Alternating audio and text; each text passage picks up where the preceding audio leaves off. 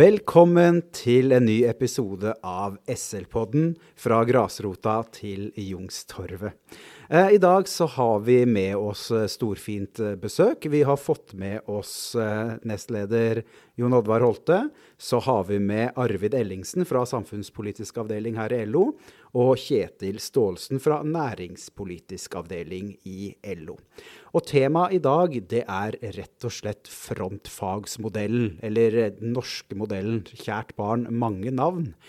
Eh, det er jo sånn at eh, det er kanskje ikke alle som vet hva frontfagsmodellen er, og det snakker vi jo om ganske ofte i SL og i LO-sammenheng, så jeg tenkte vi kunne starte med en liten, en liten enkel innledning. Hva er egentlig frontfagsmodellen? Og Arvid, har du noen, eh, har du noen tanker på det?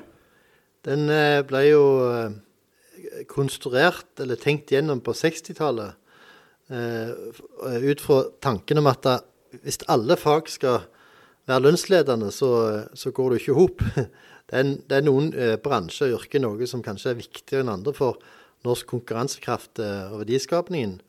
Eh, så da plukker man ut fire bransjer eh, som da utgjør frontfaget. Så lønnsdannelsen i de fire områdene er det det forhandles om først. Og så lager de en ramme, og så må alle andre følge den rammen sånn hovedsakelig. Så nå kan Kjetil få utdype det. Tillat meg å, å, gå enda et skritt tilbake. fordi må, jeg tror du må begynne etter krigen, når de sto der eh, og, og det, Finnmark eh, røyk og aske. Vi skulle bygge landet. Eh, og så valgte de som da styrte landet, å vende ryggen mot øst og ansiktet mot vest. Det skal vi være glad for i dag. Det er få som syns at det var et dårlig valg i 1945. sant? og så sto der, og så tenkte de, eh, som de måtte, hvordan i all verden skal vi klare å være et åpent land, en åpen økonomi, handle med resten av verden, samtidig eh, som vi skal være et bitte, bitte lite land og et demokrati. Det er veldig, veldig vanskelig. Det er veldig vanskelig å se for seg at en norsk produsent av biler eller vaskemaskiner eller et eller annet skal klare å hamle opp med USA, eh, hvis du er i 1945, eller Tyskland, Frankrike for den sakens skyld, Storbritannia, store land, når du kommer ut på 50-, 60-, 70-tallet. Det er veldig veldig vanskelig. Det går ikke eh, av seg sjøl. Da må du ha noen strukturer på plass.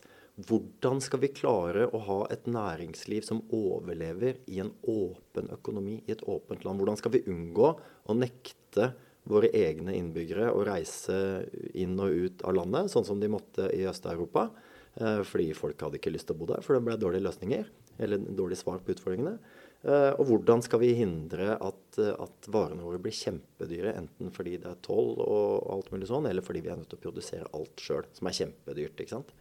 Eh, og da kom de fram til det som Arvid Alt Arvid sa er helt riktig, men da ble det på en måte svaret på den utfordringa. Okay, vi må sørge for at de næringene som skaffer landet eksportinntekter, som er det vi trenger for å bygge opp landet igjen, for å bygge opp Finnmark f.eks. Og sørge for at de næringene får vilkår som gjør at de overlever i konkurranse med, med de der ute.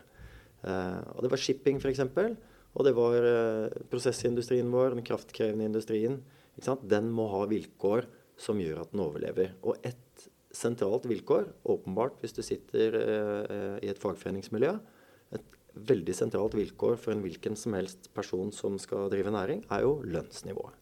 Derfor er det en ekstremt viktig del eh, av den norske modellen og, frontfagsmodellen. Jeg vet ikke om det er helt, eh, helt det samme, den norske modellen og frontfagsmodellen. Jeg tror norske modellen, Frontfagsmodellen er definitivt en del av den norske modellen, men den norske modellen er større enn frontfagsmodellen, vil nok jeg hevde. Men i hvert fall at, å komme fram til et svar på den utfordringen. Da. Hvordan skal vi klare å være et åpent og, og etter datinnstanden relativt liberalt land, og samtidig eh, å overleve? Ha, ha, et næringsliv som er i stand til å overleve. Og da var det frontfagsmodellen som på en måte ble løsninga på det. Som utviklet seg mye mm. over tid, da, regner jeg med. Men, men nå da, i, i 2021, eh, så, så, snakker man jo fortsatt om, om, frontfagsmodellen. Og det er vel særlig i forbindelse med, med lønn, da. ikke sant? Eh, så, sånn helt teknisk, og hvordan forholder man seg til eh, frontfagsmodellen? Arvid, har du noen tanker der? Ja, Du sa at den utviklet, sikkert utvikla seg mye over tid. Eh, kan du utdype det? den har ikke forandret seg en millimeter. Det har vært tre utredninger, det, da. det, ja, men du utreder rundt det, men ikke endrer modellen. Det er vanskelig. For det at du kan ikke endre modellen. Hvis du endrer modellen, så endrer du forutsetningen for frontfagsmodellen. Og det, det, men det, det er som Men bransjene den utgjør, har jo endra seg. Eh, og hvor mye møbelbransje betyr, og ikke oljebransjen som kommer etter hvert. Sant? Det, er jo, det har jo betydninger for vektskåla innenfor den modellens fire områder, eller bransjer. da, Lønnsdannelsesområdet. Men modellen i seg sjøl har vært uforandra. Og det er det som er vært til dels omstridt i noen perioder. Og Så vil jeg si at, at modellen er en forutsetning for at den norske modellen skal fungere. Men den norske modellen kan fungere uavhengig av den. Men da har den norske modellen vært svakere.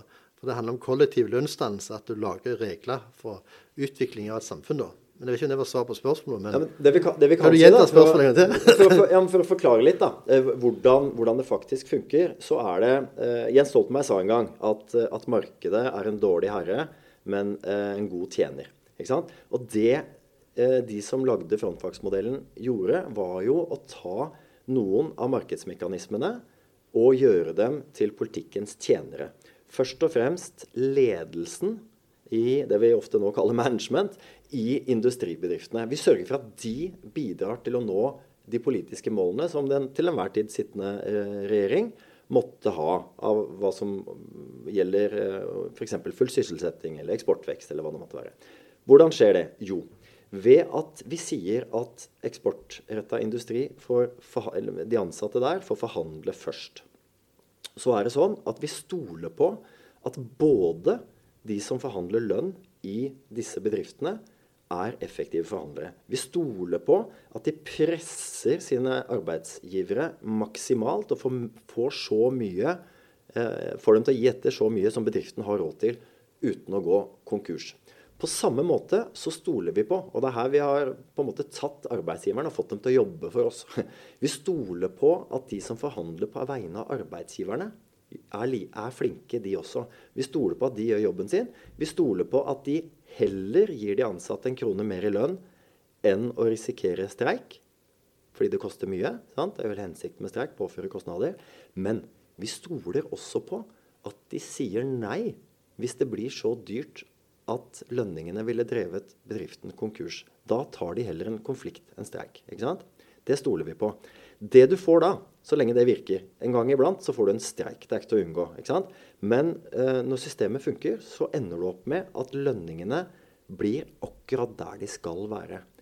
Ikke så lave at arbeidstakerne ikke får sin andel av verdiskapingen, men heller ikke så høye at en ellers sunn bedrift ville gått konkurs. Ikke sant? Checks and balances. Det funker. Eh, og da har du en eksportnæring, fordi den går ikke konkurs, i hvert fall ikke pga. lønningene. Kan gå konkurs av tusen andre grunner, men ikke fordi lønnsnivået er for høyt. Da får du eksportinntekter, valuta, og da kan du kjøpe ja, Hvis det er 1945, så kan du kjøpe tømmer og stein og, og betong og alt du trenger til å bygge opp Finnmark.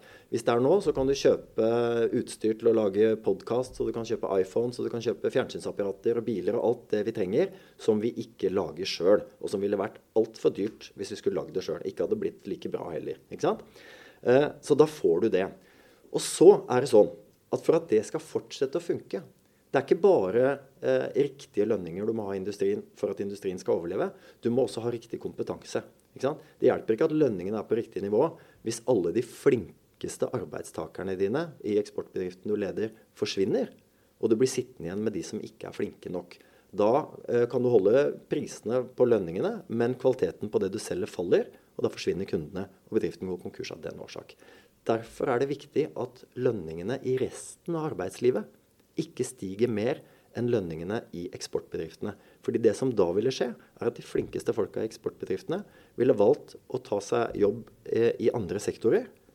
Og da hadde eksportbedriftene mista kritisk kompetanse og gått konkurs. Da hadde landet mista eksportinntekter og valuta, og vi måtte slutte å kjøpe så mange iPhones og, og mikrofoner og, og helseutstyr og alt mulig annet som vi bruker eksportinntektene, valutainntektene våre til. Og det ville vært et stort problem, og det er ikke det folk vil ha. Sånn at vi er skikkelig alle i samme båt. Så så lenge dette funker, så så lenge ikke Hvis, hvis, Hvis tilsvarende jobber, da, hvis, jobber du hvis du i dag jobber i, i eksportindustrien, øh, og jobbene i, i uh, en hvilken som helst annen sektor Hvis jobbene som frisører, da, som uh, ufortjent, men som ofte brukes som eksempel Vi kan ikke alle leve av å klippe hverandre og sånn. La oss si da, at frisørlønningene ble, ble sjudobla fordi det ble mangel på frisører. Uh, og alle de flinkeste sivilingeniørene i, i eksportindustrien begynte å jobbe som frisører i stedet. For du kan ta deg en frisørutdanning i løpet av et år eller to, og så kan du tjene mye, mye mer. Eh, så hadde eksportindustrien gått, eh, gått ad undas fordi alle ble frisører. Jeg karikerer eksempler her for, for, for, at jeg ikke skal bli eh, anklaga for, for, å henge ut noen. Da har vi ikke noe eksportindustri lenger. Derfor er det viktig at frisørlønningene ikke øker mer enn lønningene i eksportindustrien. Eh, jeg tror nok at akkurat frisørlønninger kunne nok ha økt eh, litt uten at det skulle gått utover eksportindustrien, for de er sannsynligvis altfor lave. Men igjen, det er derfor jeg velger akkurat det eksempelet. Sånn at ved at vi får til dette, så har vi en eksportindustri. Og den skaffer landet inntekter som gjør alle rikere. Det fører også til at de lønningene i resten av arbeidslivet som følger etter eksportindustrien, blir høyere over tid enn de ellers hadde kunnet bli. Men det klarer du ikke å se fra år til år. Fordi det er et ekstremt langsiktig og gjentagende forhandlingsspill. Ja, eh, det var en god, god utredning, det tenker jeg. På, på, altså vi, er jo, vi, er jo, opptatt av de som jobber eh, i skolen, da, Jon Oddvar. Hva, hva, har, har, du gjort deg noen tanker om altså hvorfor frontfagsmodellen er så viktig for eh, Skolenes landsforbund? Eh, nei, det er iallfall ikke noe Takk for en god utredning av den, Kjetil. Eh, det er ikke noe tvil om det at eh, vi møter noen utfordringer der. Vi er jo offentlig ansatte, flesteparten som jobber innenfor eh, skolevesenet. Og den siste tiden så har det vært veldig sånn her, spesielt nå i mellomoppgjøret. da. Nå har det vært så slitsomt pga. koronaen. Nå har vi jobba så mye overtid uten å få overtid. Og så kommer mellomoppgjøret, og så blir det sånn at nå skal lønningene opp. Og da ble det jo gap om at de trenger 50 60 70 000 osv. videre Og så åpner jo frontfag seg opp da, i forhold til hva Jørn Eggum sa i Fellesforbundet, som da er da hovedforhandler i, i frontfagsmodellen, da, eh, industrien som du nevner, eh, om at ja, det er ikke noe farlig å gå litt utenom. Det er ikke noe farlig å heve litt over. Og så er det den evige krangelen. da, ikke sant? At du skal ha, ha, dyktige lærere, dyktige folk i skolen, og for å få til det så må du ha høyere og høyere lønning osv. videre Og læreryrket ble omtalt som eh, lavtlønna yrke eh, i mange sammenheng. Og det er jo ikke. Det er jo ikke det. Eh, lærere i Norge tjener greit nok. Eh, skulle hatt eh, selvfølgelig mer betalt som alle andre yrker, eh, maser om. så det, ja, det, er, det, er, komplekst, da.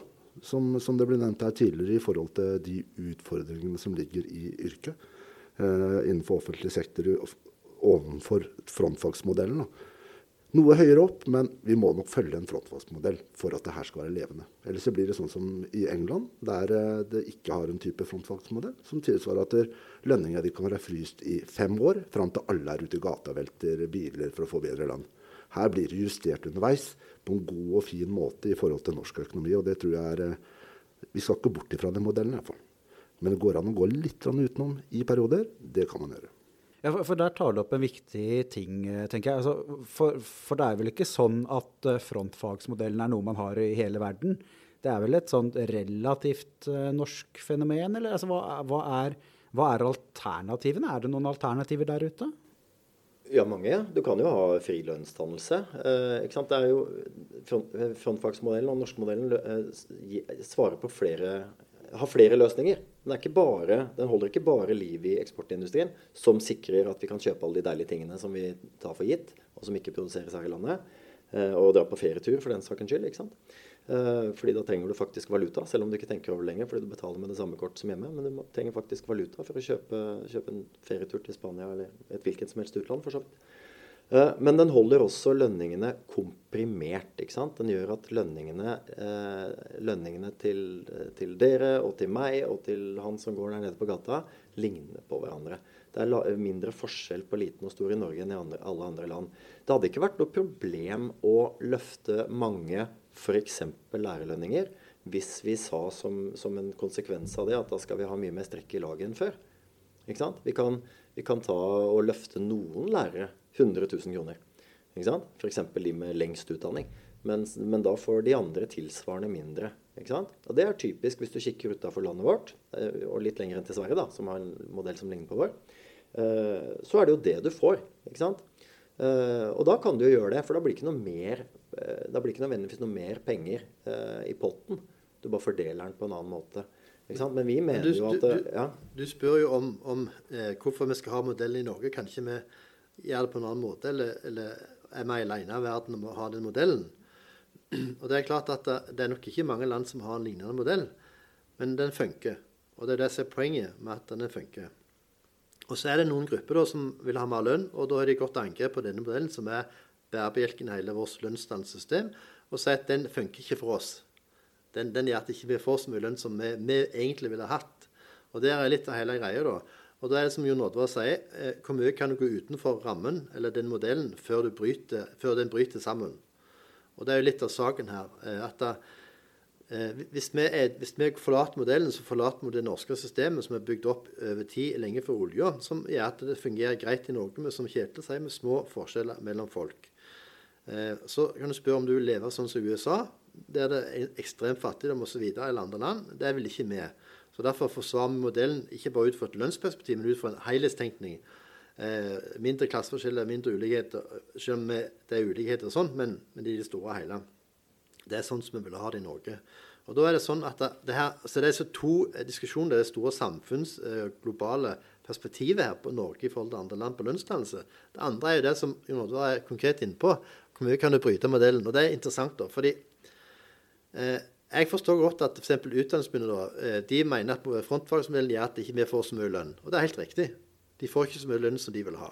Og Så gikk Utdanningsforbundet ut med et regnestykke i Fri fagbevegelse som viste at de hadde tapt terreng i de siste lønnsoppgjørene.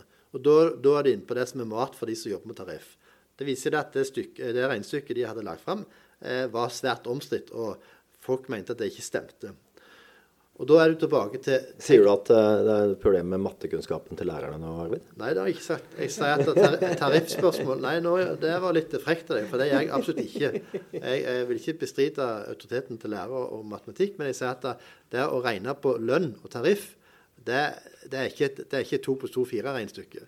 Det er et regnestykke der du kan ta en ulike momenter, sier at du får ulike svar. Og det er hele poenget her. sant? Smiler du, Kjetil? Alltid når du snakker. Du er så klok. Ja, takk. Nei, så Derfor så mener jeg at det, regnestykket viser seg å være omstridt og feil. Ok, Så har du diskusjoner det. Og Da har du teknisk beregningsutvalg. Sånn som det egentlig hele starta, lenge før det som Kjetil sa i stad.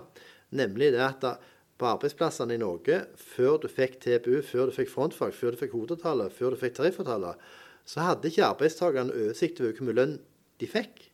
Så vi fire hadde ikke visst hva, hva, hva lønn Som gruppe. Hva lønn du hadde, Kjetil, du Jon Oddvar, og du hadde hatt. ikke sant? Hadde ikke oversikt. Men arbeidsgiverne satt jo med oversikt, for de betalte ut. Og det var en fordel de hadde. Og Da starta LO eh, samfunnspolitisk avdeling for å få noen, altså den avdelingen jobber i da, eh, starta med å samle inn lønnsslipper og lønnsopplysninger til ansatte og lagde statistikk på dette. Og Det gjorde man lenge, fordi at det faktisk var eh, vedtak på Kongress i 1921 at dette skulle vi satse ressurser på. For det var en intellektuell kraft, en regnekraft, for å bruke Kjetels uttrykk, mattekraft, for at vi skulle òg ha oversikt over hvor mye eh, lønn vi hadde. Så etter hvert så ble så arbeidsgiveren ble overrumpla, for at plutselig satt arbeidstakerne, LO-forbundet, med en oversikt over lønnsdannelsen, som ikke de hadde gjort før, og sa ja, men vi tjener jo for lite i forhold til hva dere på en måte eh, får utbytte og profitt. Det er ikke rettferdig. Så begynte 20-tallet og 30-tallet var jo rimelig heftig i Norge med de største streikene, menneskeslag og alt. Men endte opp med her må vi finne en avtale om krig og fred, altså hovedavtalen for 1935.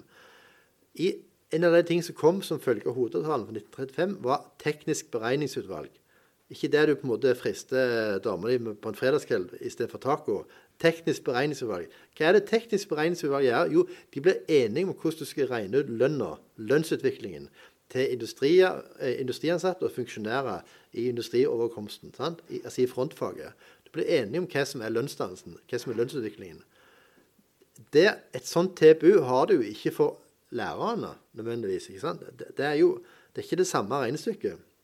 Men du har det i de frontfag, for da ble du enige om hva som var tallene. Kunne du krangle om hvor mye du skulle hente ut, ikke sant? og som Kjetil sier, hvordan du skulle fordele. Men du var enige om tallenes beregning. Og det er kjempeviktig. Grunnlaget var lagt der. Kunne liksom vite hva som var tallenes tale. da. Så er det sånn at eh, f.eks. Eh, hvis da eh, SL mener at frontfaget er til hinder for enda mer lønn til sine ansatte, så kan du spørre liksom Ja, eh, hvor mye kan SL kreve før det bryter hele frontfaget? Og da, da er det sånn, ser du, kjære programleder, at hvis, hvis du f.eks. hadde krevd eh, 70 000 ekstra til lærerne og fått gjennomslag for det, og rammen hadde kun sagt 10 000, da er det sånn at selvfølgelig har de en klausul her. Da hadde jo Fellesbundet og Norsk Industri sagt greit, læreren fikk 70 000, det, det var ikke det vi hadde lagt til grunn. Da reforhandler vi hele greia. Det er nemlig en reforhandlingsklausul i hele avtaleverket som sier at hvis den ramma går for langt utover det som er avtalt i frontfaget, så blir alt reforhandla. Og Da kan du tenke deg runddansen du har fått med reforhandling på reforhandling på reforhandling. Ja. Så, så, systemet er jo på en måte sikra med sånn ventil her. Nå ser jeg at de to på andre siden av bordet har tatt eh, innlegg og replikk, så ja, Jeg tenker at jeg vil gjerne ha et lite spørsmål da, oppimot det her. da. Mener du da at det er helt unødvendig å streike for lærere, siden vi ikke klarer å få det vi i utgangspunktet gaper etter? da? Der ute. Har jeg sagt noe om det? Har jeg sagt Nei, noe om streik? Det høres nesten sånn ut, da. Jeg bare, jeg bare spør hvor grensa går for eh, hvor mye du kan kreve før du bryter frontfaget. Når det gjelder streik, så må jo dere selv avgjøre når dere kommer til streik eller ikke. Om det er på én krone eller 10 000 synes du, det er helt opp til dere. Det blander vi ikke opp i. Nei, Det begynner å nærme seg et hovedoppgjør. ikke sant? Så det blir sånn der, ja, Hvor mye skal man egentlig tåle eh, ved neste hovedoppgjør før man går i streik? Eh, nå vet man ikke hva eh, selve potten blir i, i hovedoppgjøret ennå, men jeg tipper at dere ut ifra føringene som har vært fram til mellomoppgjøret og fra mellomoppgjøret opp nå mot hovedoppgjøret, så kommer det mest sannsynligvis til å bli en streik på nytt i forhold til det med kroner i lommeboka for læreren. Og det, det tipper jeg kommer til å skje. da. Eh, hva tenker dere rundt det? liksom? Det, det blir litt sånn derre Dere så veldig mye gaping nå før mellomoppgjøret og etter mellomoppgjøret. Og eh, Utdanningsforbundet gikk ut i streik. Vi syns egentlig i utgangspunktet de rammene man fikk i mellomoppgjøret var bra nok, og det ble levert ut på en god måte både for alle ansatte i skolen, ikke bare for lærere. Eh, og det har jo vært eh, Utdanningsforbundet sier jo at lærere henger etter fra eh, Vi gikk fra, over til KS fra staten. Og det har vi gjort litt også. Men at vi også den siste tida har ikke tapt så veldig mye. da. Det er helst i førsten, når vi gikk over til staten, at vi tapte en del penger i forhold til hovedoppgjør og mellomoppgjør og sånn. Men eh, ja, det ser ut Ja. som du er litt ivrig her. Ja, fordi Arvid har faktisk rett eh, når han eh, sier at dette må dere finne ut av sjæl. Det er streikeverktøyet, streikevåpenet, er helt sentralt for å få en lønnsdannelse som over tid er i arbeidstakernes favør. De som sier noe annet, er naive godfjotter. De skjønner bokstavelig talt ingenting. Kollektiv forhandling uten streik er kollektiv tigging. Rett og slett. Det er ikke noe annet enn det. Du må ha et ris bak speilet, og hvis du driver med, med, med hvis, I og med at vi har slutta med våpen da, siden Menstadslaget, og det er jo sivilisasjon, det, så, så er det streik vi bruker. Eh, og det er bra. Men eh, jeg har lyst til å tilbake til, eh, til det spørsmålet om ja, hvordan skal vi få med, eller hvor mye mer enn modellen kan vi få, eller hvor mye mer enn frontfaget får, kan vi få, og hvordan skal vi få løfta grupper og sånn. Det du må, svare over tid så skal du ikke være så opptatt av, mener jeg da, i hvert fall hvis vi diskuterer på litt abstrakt nivå her nå, så kan du ikke være opptatt av antallet kroner du, du har i lønn. Fordi her er det hele tida snakk om relative størrelser. Sånn at hvis du mener at læreren har Jeg kan røpe at vi Arvid jeg jobber i LO, vi organiserer alle typer arbeidstakere. Jeg kan røpe at det fins ikke en eneste gruppe arbeidstakere i dette landet som ikke mener at de fortjener noe mer i lønn. Det mener alle.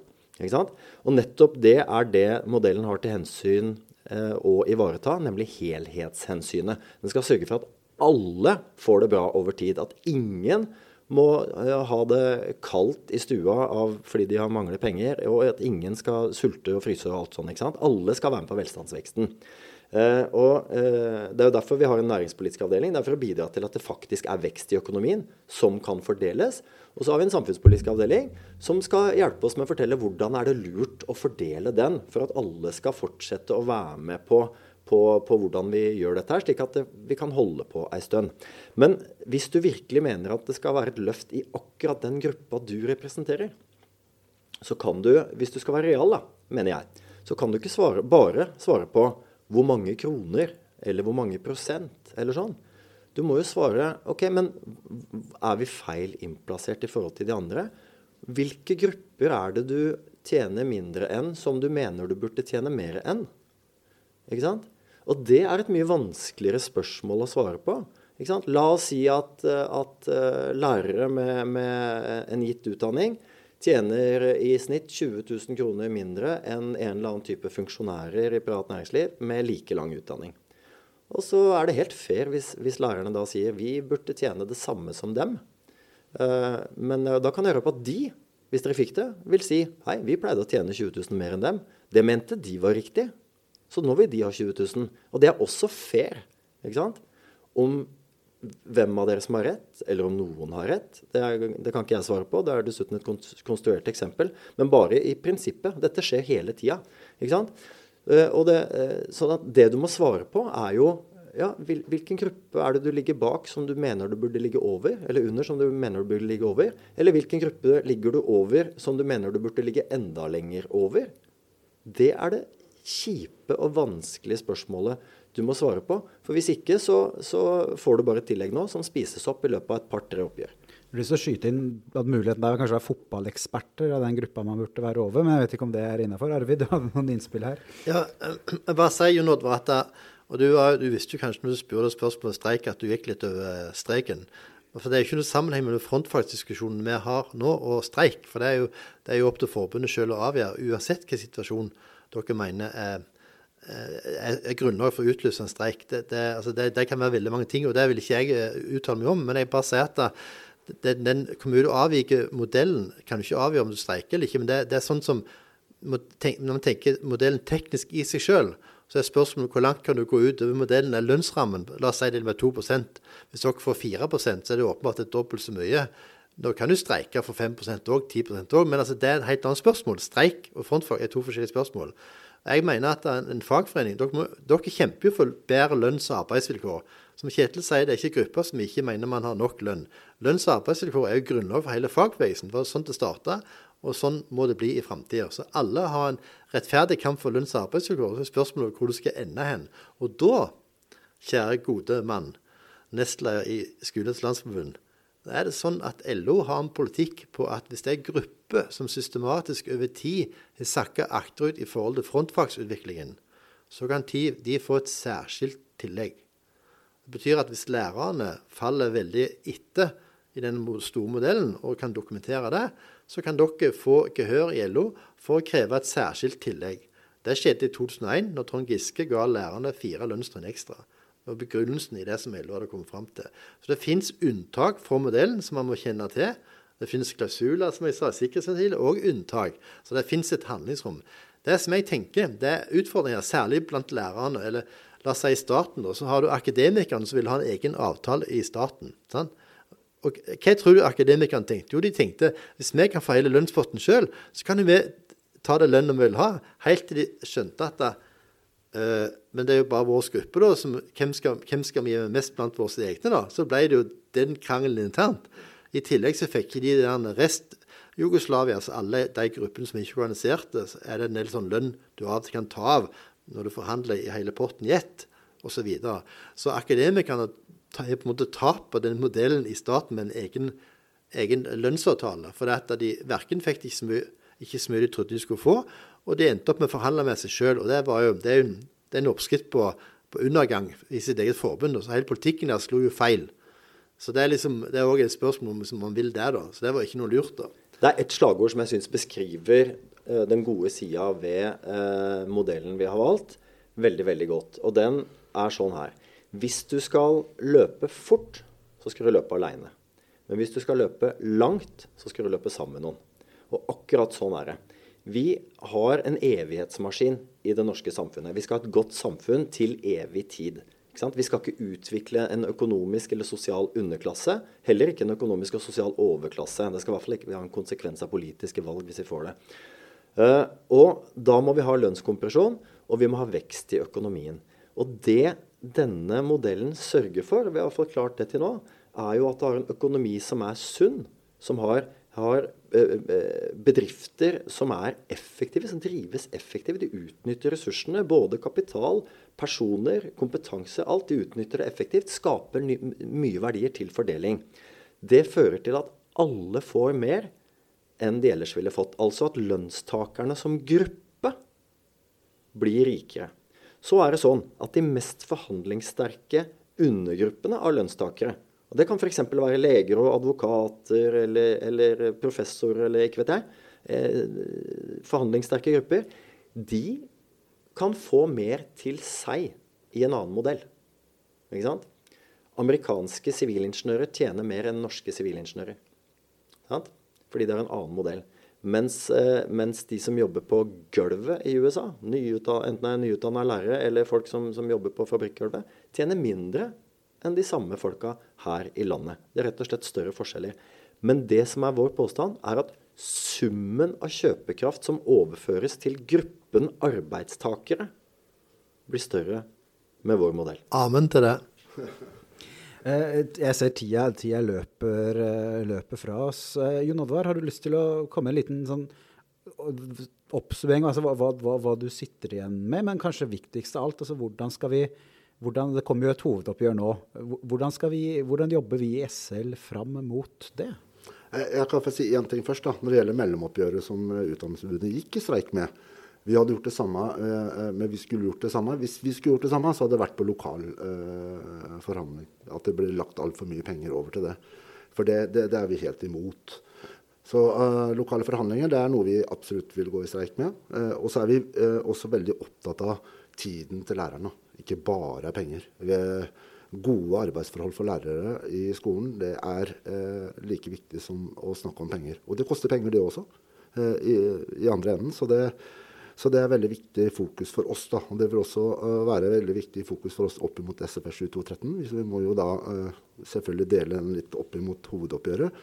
Så skal man selvfølgelig da gjøre sitt for at læreren får mest mulig når hovedoppgjøret først kommer. Men det vi sliter mest med, er jo at det er enkelte andre organisasjoner som gaper om så mye penger som vi vet kanskje er litt vanskelig å få gjennomført. Som setter oss veldig ofte i en sånn skvis. da. Vi har fokus på litt annet enn bare lønn. Eh, og så virker det som at det er veldig mange som har litt for stor fokus på bare lønn. Så det, og det, og det åpna seg opp i mellomoppgjøret for at det faktisk skulle gå litt utenfor ramma. Eh, selv om det bare var et mellomoppgjør som ikke er vanlig eh, skjer. Det har skjedd én gang før, hvis ikke jeg husker det feil. Eh, Hovedoppgjøret er jo på en måte der vi virkelig skal ta kampen når det først skjer. Så det, det, det blir spennende da, fram mot hovedoppgjøret. Hvordan skal vi få det til? Men dette skal jo vi utarbeide sammen med Grasrota, sammen med våre lærere. Så vi setter i gang det arbeidet framover nå. Så det er jo de som legger føringen på hvordan vi bør tenke. Og så må vi da selvfølgelig prøve å gjøre det, det best mulig innenfor de rammene som ligger i bånn. Så det, nei, det blir spennende. Jeg håper ikke det blir streik, da, men det kan fort bli det. Ja. Får et spark her at Arvid ville ha en uh, siste kommentar. Ja, Nå var det veldig alvorsom uh, Jon Oddvar på slutten, men, uh, men jeg bare sier at det er bra at Skolens landsmund tar, tar, opp diskusjonen om frontfaget. og tar, og Jeg oppfatter at det ikke bare er frontfaget, men det er òg en diskusjon om hva lønns- og arbeidsvilkår dere skal kjempe for for lærerne. og Det synes jeg er en en viktig debatt, og jeg håper dere en, altså fortsetter den diskusjonen videre. Den er alltid viktig. Og så vil jeg si til slutten at du hadde i gamle dager en, en hovedorganisasjon som heter AF, Akademikernes fellesorganisasjon. De hadde en sånn reklamekampanje på TV 2 der de sa at de hadde tapt 21 lønnsoppgjør på rad. Nå er det vår tur. Hvert fall jeg kom på den du snakket om, Oddvar. For det, det, kan klart, Man kan kreve veldig mye og si at man ikke fikk, fikk det man krevde, og at det var urettferdig. men men i sum mener jeg medlemmene skal se på hva du får i lønningsposen, men òg i, i, i, arbeidslivet, velferdstiltak sånn. Hvem som kjemper for he, he, he, helheten her. Ikke bare det du får i lønningsposten, og ikke bare retorikken. Det må være noen resultater. Og det som skjedde etter at AF hadde den kampanjen, det var at AF ble opplyst. For da gikk det virkelig opp for medlemmene at de hadde jo tapt 21 lønnsoppgjør på rad. De kunne gjerne sett det var rettferdig for deres tur, men medlemmene tenkte at da er ikke det rett organisasjon for oss. Jeg lar det stå med det så syns jeg det du sier nå det anskueliggjør på en veldig god måte hvordan eh, modellen vår eh, er avhengig av, men også utnytter det at så store grupper og så mange grupper er organisert. Fordi det apparatet kan du bruke også til andre ting.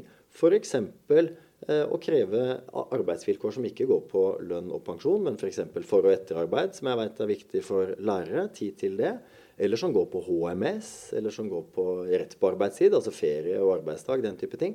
Alt mulig annet som kan puttes inn i tariffforhandlinger.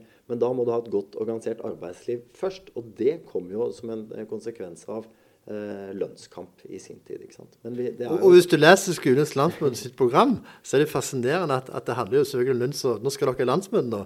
Eh, og da tenker jeg at det som virkelig kjennetegner programmet til skolens landsmøte, det er jo en helhet. Det er en ideologi, det er en tenkning. Det, altså, dere bygger samfunnet, ikke bare i klasserommet. Vi, vi, vi kutter den der, vi, så lar vi Arvid få siste, siste ordet. Tusen hjertelig takk for at dere hørte på, eh, og så håper jeg at dere hører på neste gang også.